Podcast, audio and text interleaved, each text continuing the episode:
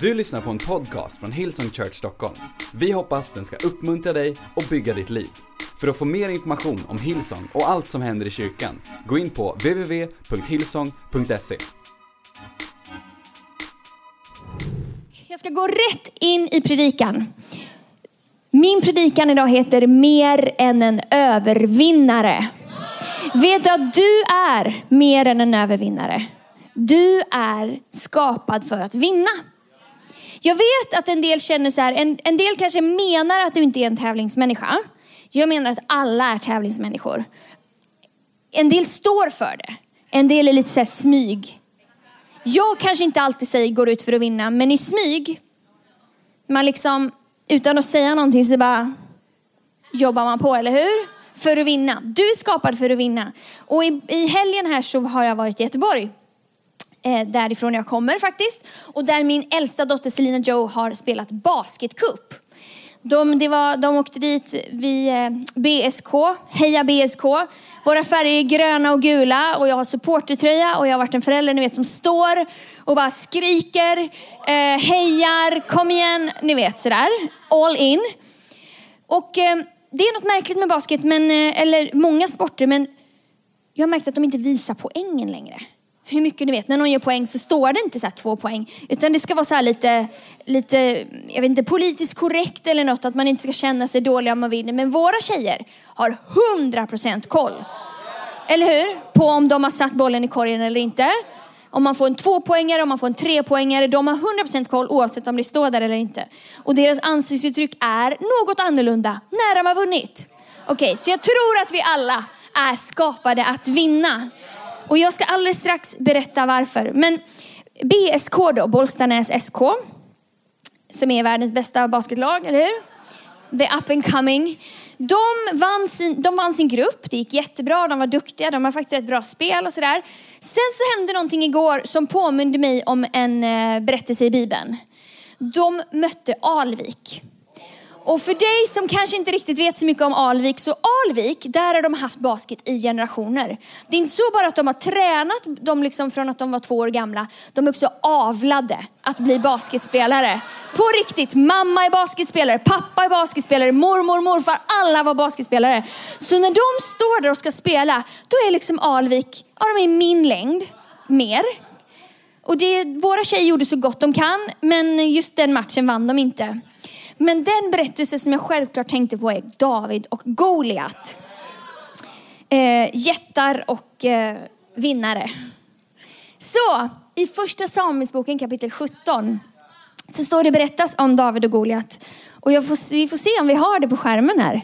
Ja men härligt. Filisterna samlade sina härar till strid. De samlades vid det Soko som hör till Juda och slog läger mellan Soko och Aseka vid Efes Damin. Så vet ni vart det ligger någonstans. Saul och Israels män hade också samlats och slagit läger i Terebintdalen. De ställde upp sig i strid mot filisterna. Filisterna stod på det ena berget och israeliterna stod på det andra berget med dalen emellan sig. Då kom det fram en kämpe vid namn Goliat från Gat ur filisternas led. Han var sex alnar och ett kvarter lång. Jag tror att det var ett annat sorts kvarter, men i alla fall, han var väldigt stor. Eh, och han stod och ropade till Israels här, varför drar ni ut och ställer er upp till strid? Är inte jag en filisté och ni Sauls tjänare? Väljer en man som kommer ner hit, ner hit till mig. Klarar han att strida mot mig och slå mig så ska vi vara era slavar. Men om jag besegrar och slår honom så ska ni vara våra slavar och tjäna oss. Filisten fortsatte, jag har idag hånat Israels här. Ge mig en man så att vi får slåss. När Saul och hela Israel hörde vad filisten sa blev de förfärade och skräckslagna. De blev förfärade och skräckslagna. Så här är scenariot. En här där, en här där. Alla är där för att strida. Men av någon anledning så är det ingen som strider. För att den här jätten, han var en riktig jätte, kom gående med sin vapenbärare. Och på grund av det som han stod och skrek och ropade så var alla helt paralyserade och gjorde inte det som de var där att göra. Så min fråga idag till dig, vad har du för jätte i ditt liv som har stått och ropat till dig som hindrar dig från att gå ut det som Gud har kallat dig till? Är det någon tanke som du har fött och låtit nära i ditt inre som, jag, som, där du säger att du inte kan? Är det någonting som någon har sagt när du växte upp? Är det kanske din mamma som har sagt någonting över dig som du plötsligt har trott, som du tror på? Som, tror, som gör att du tror att du inte klarar av? Eller vad är det? Är det någonting du sett? Är det någonting som du har hört? Vad är det för jätte som faktiskt behöver falla här idag? Det är min fråga. En sak som var väldigt intressant när de här eh, stod här och krigade, den här dalen som det stod, terebintdalen, den var väldigt bördig. Det fanns fina terebintträd, det var någon sorts bär liksom. Så det var en dal full av liv. Men av någon anledning så såg israeliterna som, en, som att det var en dal av död. Bara för att den här jätten stod och ropade. Och sen så är det också intressant det här att alla var där för att strida men ingen stred. Så, vi befinner oss i en basketcup. Livet är som en basketcup. Livet är som en turnering och vi är här för att vinna. Våra, våran fight är absolut inte mot människor, eller hur? Våran fight är för människor. Men Bibeln talar om att vi ska sikta på att vinna. Och det står i första Korinthierbrevet kapitel 9 och vers 24. Vet ni inte att av alla löparna som springer på arenan är det bara en som får priset? Spring så att ni vinner det. Alla som tävlar måste ha disciplin i allt. De gör det för att vinna en segerkrans som vissnar, men vi för att vinna en som aldrig vissnar. Jag springer alltså inte utan att ha målet i sikte. Jag boxas inte likt den som slår i tomma luften. Så vi är kallade att springa ett lopp och vi kallar det att vinna vårt lopp. Och hur det ser ut, hur våran vinst ser ut, är kanske inte så som din granne mäter. Du vinner inte först och främst när du lyckas bygga en pool, eller när du har fått den snyggaste solbrännan, eller när du har fått de bästa likesen på sociala medier, eller när du har nått en karriärstopp, eller när du har varit den perfekta mamman till perfekta barn. So help us God. Kommer aldrig hända, eller hur? Det är inte det som definierar om vi vinner eller inte. Vi vinner när vi får föra någon till Gud. Vi vinner när vi får göra världen till en bättre plats. Vi vinner när vi får ta himlen ner till jorden. Vi vinner när vi får ge människor hopp. Vi får göra mörker till ljus. När oro får ge plats för kärlek, meningslöshet och slentrian får ge plats för tro. Och när den helige ande får vara verksam i våra liv. Och din granne kanske aldrig kommer fatta det, men du är en vinnare. Och det är upp till oss att löpa vårt lopp. För i livet som kommer efter så får vi faktiskt en belöning som inte vissnar någonting, när vi lämnar den här jorden så tar vi med oss någonting som består. Amen. I eh, Efesierbrevet kapitel 6, vers 12 så står det just det här att det är ju inte människor vi strider mot utan mot ondskans andemakter i den andliga världen. Mot härskare, makter och krafter som styr i vår mörka värld. Men vi skriker inte åt mörkret och förbannar det, utan bästa sättet att vinna över mörkret är att tända ett ljus, eller hur? Låt allt hos er ske i kärlek, står det i första Korintierbrevet kapitel 16. Så, du är kallad till att vinna. Men om vi ska gå, återgå till David. Det som hände här, David fanns ju inte med i det jag läste, men David blir sänd av sin far till striden. Så David var inte med och krigade. Davids tre äldre bröder var där. Eh, eller de skulle ju kriga, de var med vid frontlinjen där. Och Davids pappa säger till honom, ta med dig lite bröd, lite ostar och grejer och gå och kolla om de lever. För på den tiden kunde man inte ringa, smsa eller liksom lägga upp en social eh, någon post på sociala Instagram eller sociala medier och säga jag lever. Utan man var tvungen att gå och kolla. Så, så han skickade sin son.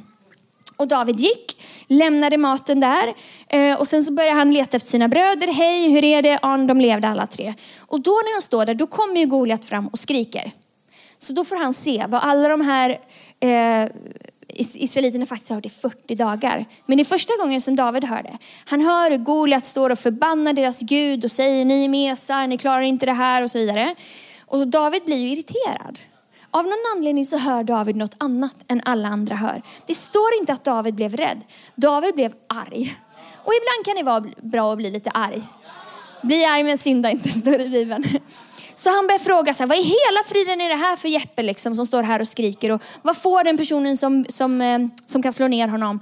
Jo, men han får ju eh, prinsessan och halva kungariket, som i en riktig saga. Eh, men hans bror, som hans äldsta bror, blir ju jätteirriterad av att David börjar fråga så här.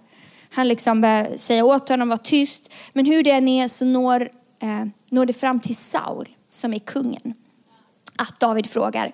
Så han får komma till Saul och David säger, ni behöver inte oroa er, nu är jag här, nu ska jag slå ner den här jätten.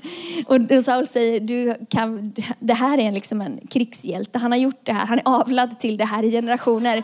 Eh, du kan absolut inte slå de här, eh, Alvik. Men, nej då. Men Saul säger, ja men Gud har varit med mig förr.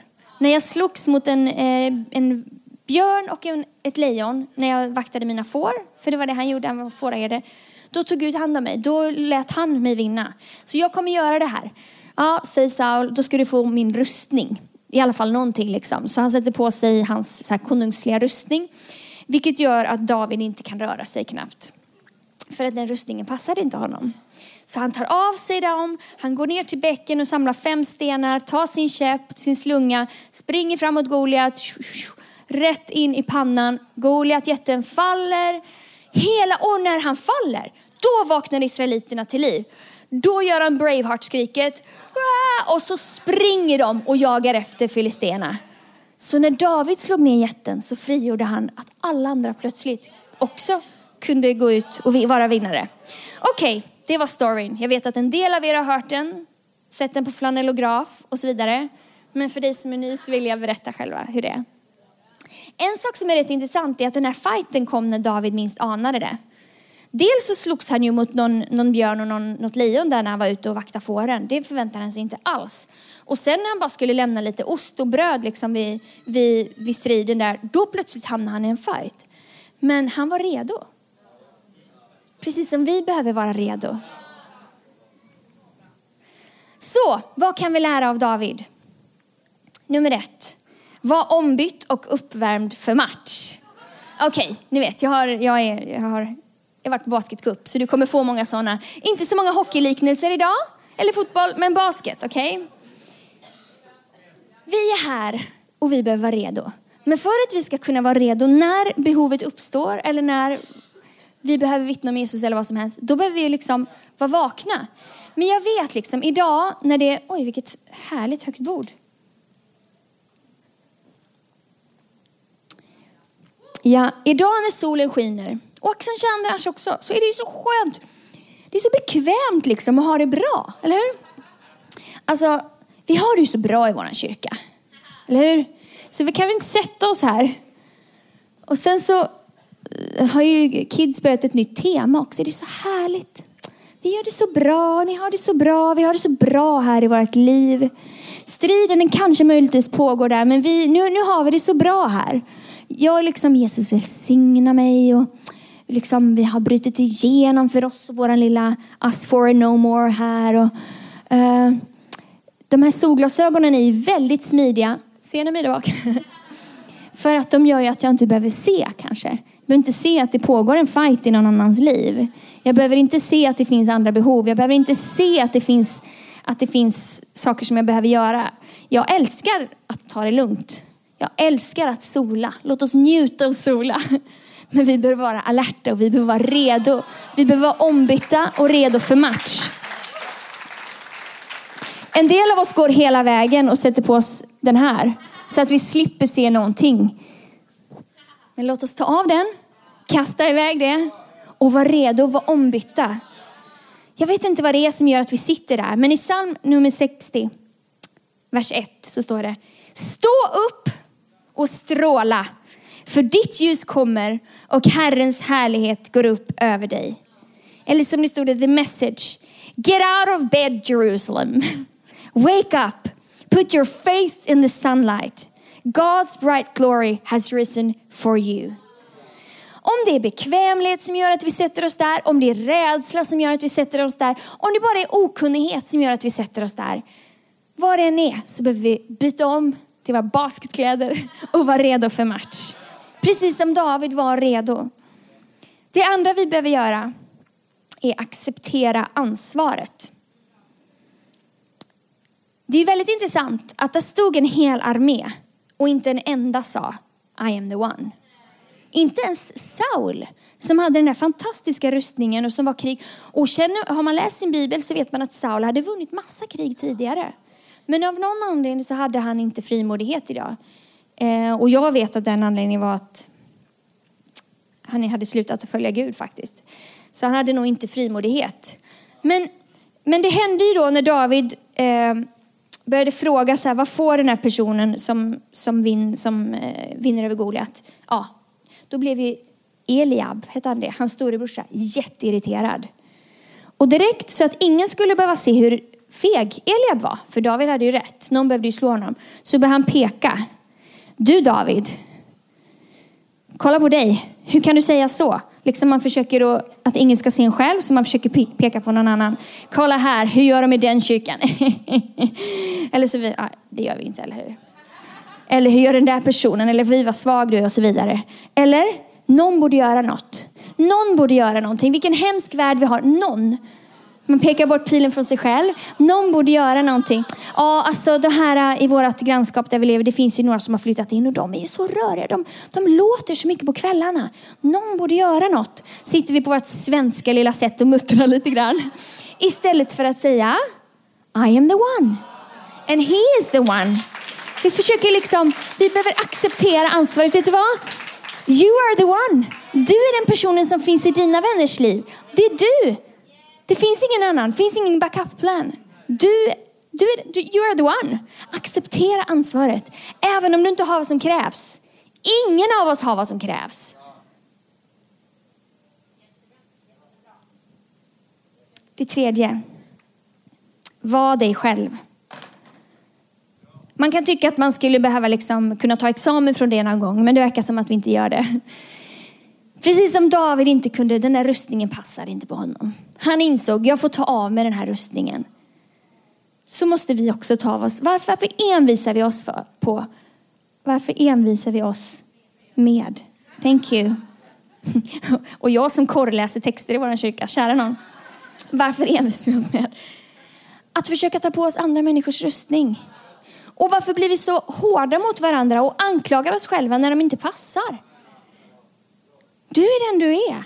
Gud har format dig precis som du ska. Du har exakt de styrkor och gåvor som du behöver. Hade han behövt att du hade något annat, så hade han skapat dig på något annat sätt.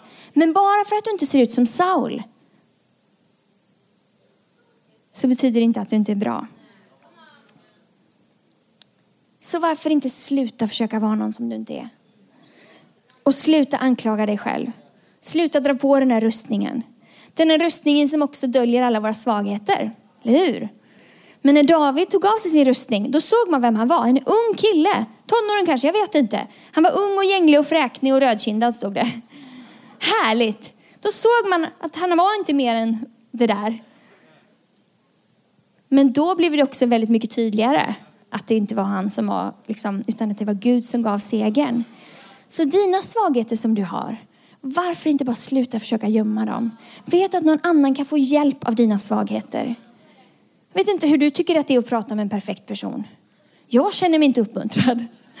Jag känner det är kört, jag går och sätter mig i min solstol igen. Men om vi vågar visa våra svagheter och vågar visa vad vi har gått igenom, vad vi kanske går igenom, men att Gud är trofast, då hjälper vi så otroligt många. Så om du bråkade på vägen hit och sen så satte du på den här söndagsfasaden och det kom vi alla, hela familjen här. Kanske bara våga säga till någon, ja ah, det var lite körigt idag. Åh oh, vad skönt, säger den andra föräldern. För oss med! Liksom, de vägrade ha på sig det, de ville ha pyjamas till kyrkan. Vad skulle jag göra? Ja, ta dem hit bara. Så det är David, istället för att han använder den här rustningen, så använder han sina tidigare erfarenheter. Han som hade mött ett lejon och en björn med en käpp och eh, stenar och en slunga. Det var det han använde.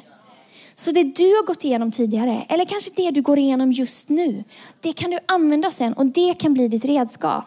Du kan veta att Gud hjälpte mig igenom det här. Gud tog mig igenom det här. Och sen när du kommit igenom det, då kan du använda det och hjälpa andra människor. Eller ta dig an nästa fight. Precis som David sa, Gud som var med mig när jag slogs mot lejonen och björnen, han är med mig här idag.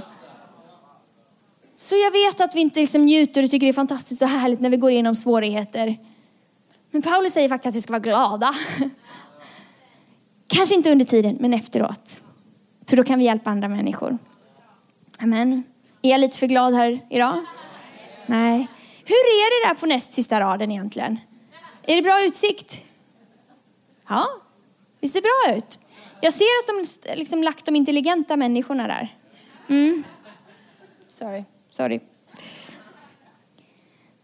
Det fjärde som vi behöver göra är att gå framåt. Och det var det, det liksom, stunden var kommen för något sätt, på något sätt för David. Han var bara tvungen, när, när Goliat gick fram, då sprang David mot Goliat. Och ibland så vill vi kanske hellre sätta oss ner och ignorera att det finns. Men om man bara går framåt. Han visste väl kanske inte ens hur det skulle gå till. Eller han visste att Gud skulle vara med honom. Men det är kanske bara det du behöver göra. Ta ett steg. Du behöver inte veta hur det ska gå till. Du kan bara ta ett steg framåt. Kräver lite mod, kräver lite vilja. Men bara ta ett steg framåt. Mot att göra någonting. Det sista, nummer fem. Låt Jesus göra resten. David visste hela tiden att det inte var David som gav segern. I människors ögon, visst, han liksom gjorde den där slungade stenen, och gick in i Goliat. Hur troligt är det att en jätte dör av en sten? Jag vet inte. Men det var Gud som gav segern. Och det är allt vi behöver veta. Du behöver inte ha allting, du behöver inte kunna allting. Det är Gud som ger segern. Och hur kunde David veta att, att Jesus skulle göra resten? Eller Jesus, Gud skulle göra resten i det här fallet. Jo, för att David hade lagt sitt liv i Guds hand. Han hade låtit honom bli hans herde. Och innan du börjar tänka så här, åh en herde, vad är det? Det är något mysigt och fint och gulligt. Ja, de var ju omtänksamma, men de var rätt tydliga också. David visste ju vad en herde var eftersom han var en herde. Herde var den som visade vägen. Herde var den som absolut räddade livet på fåren, men det var inte fårskallarna som fick välja vart de skulle gå. Utan det var herden som gjorde det. Och David hade förstått att om jag låter Gud vara min herde, då kommer det bli bra. Om jag vandrar iväg och tänker jag har bättre idéer, då, då faller jag offer för varg och björn och allt möjligt. Men om jag följer Gud, om jag låter honom vara min herde, om jag faktiskt lägger ner min egen vilja, ah, ske din vilja och inte min. Då blir det bra. Då lovar Gud att han ska leda oss på rätta vägar för sitt namns skull. Det står i psalm 23, som David har skrivit, som är så känd. Herren är min herde. Mig ska inget fattas. Han låter mig vila på gröna ängar. Han för mig till vatten där jag finner ro. Han ger liv åt min själ. Han leder mig på lätta vägar. Nej, tyvärr, rätta vägar för sitt namns skull. Även om jag vandrar i dödsskuggans dal så fruktar jag inget ont, för du är med mig. Den här salmen, undrar om han skrev den efter dödsskuggans dal. Det var ju där han mötte Goliat, eller hur? Det var en dal. För du är med mig. Din käpp och stav, de tröstar mig. Du dukar för mig ett bord i mina fienders åsyn. åsyn. Du smörjer mitt huvud med olja och låter min bägare flöda över. Ja, godhet och nåd ska följa mig alla mina livsdagar och jag ska få bo i Herrens hus för alltid. Vi älskar psalm 23, eller hur? Man kan läsa det, man kan få tröst och allting. Men allt bygger på att Herren är våran herde. Att vi låter Herren visa vägen, att vi låter Gud visa vägen att vi faktiskt dör från vår egen vilja. Och David visste precis hur det var. Han hade lagt ner sin egen vilja vid sin, sin eh, jordiska far. När det kom en profet och smorde David till kung och sa att du ska bli kung för, nästa, för det här landet. Du ska bli nästa kungen. Vad hände sen? Hans farsa skickade ut honom att vakta getter. Så du kanske har en dröm, du kanske har fått ett tilltal, du kanske vet att du ska göra någonting och nu är du ute och vakta getter. Men Gud som har sagt någonting, han är, han är full, han är trofast och fullkomlig att fullkomna det. Amen. Så, men i allt det här så la David ner sin egen vilja. Han gjorde det som fadern sa.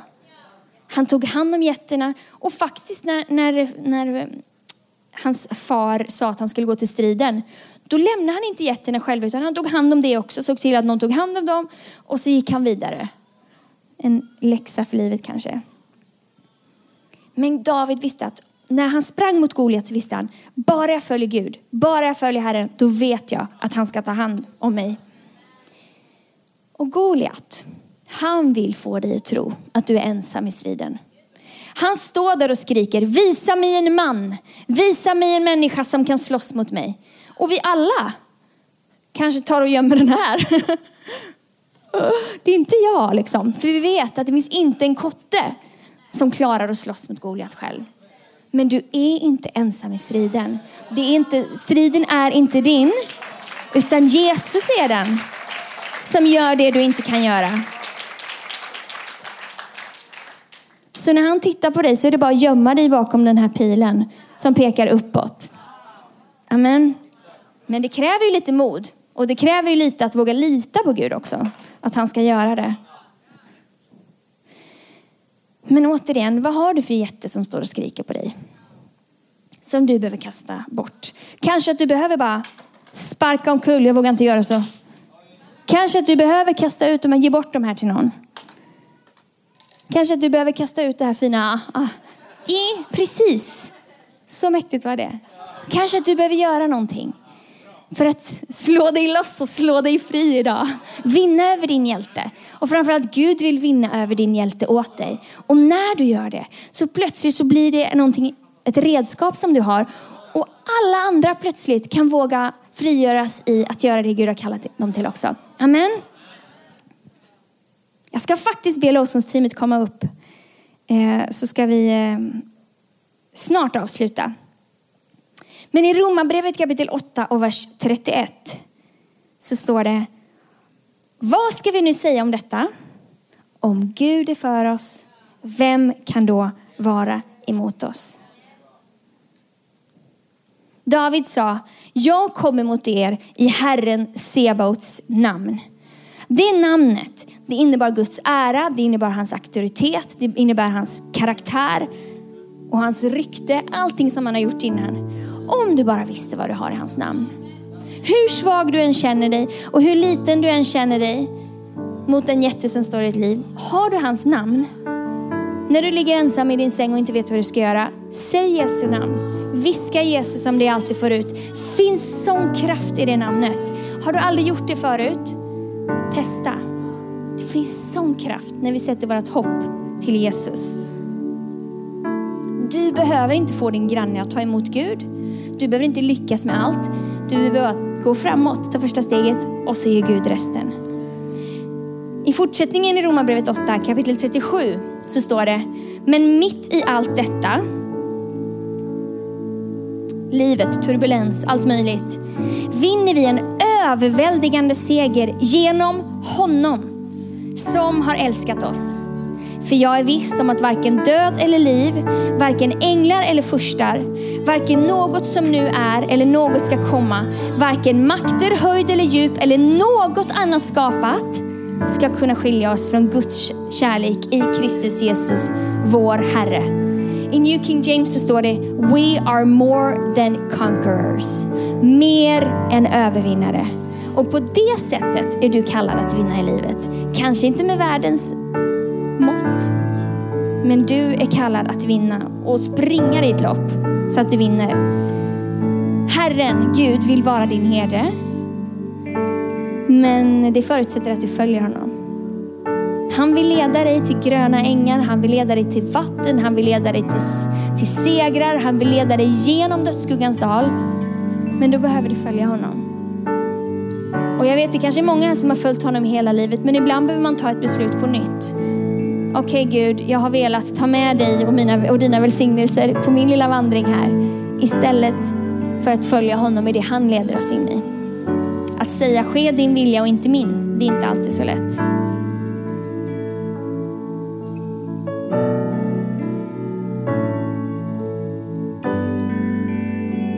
Där jätten som du står inför, han är inte så stark som du tror. Han är egentligen som en liten mus med en megafon. Så även om inte det ser ut, jag vet att det, det finns människor här inne som har utmaningar som du står inför, framför, inför, som du inte vet hur du ska lösa. Alla röster har sagt att det är omöjligt. Alla röster har sagt att det inte, är att det, det, det inte kommer gå. Alla röster har sagt att du inte är kapabel, att du inte har erfarenhet, att du inte har brett motiv. Men jag säger dig, om du följer Gud så kommer han vinna den striden åt dig. Och jag vet inte exakt vad det, vad det gäller, men du vet det och Gud vet det. Och han vill leda dig i det. Amen. Vi ska göra så att vi ska be, så ska vi lovsjunga, så ska vi kan göra att vi står upp tillsammans. Jag ska bara be en kort bön och sen så i lovsången om du vill, kanske bara ta ett beslut. Om det är något område i ditt liv som du behöver låta Gud vara din herde för igen. Så att du kan vinna fullt ut. Om du behöver resa dig upp ur den här härliga stolen. Om du behöver slänga bort rädslan. Om du behöver få tro för en jätte som står framför dig. Så vill Gud göra det i ditt liv idag. Amen. Jag tackar dig Gud för att du är stor, mäktig. Du är Herren Sebaot, Herre. Tack för den du är. Tack för det som finns i ditt namn.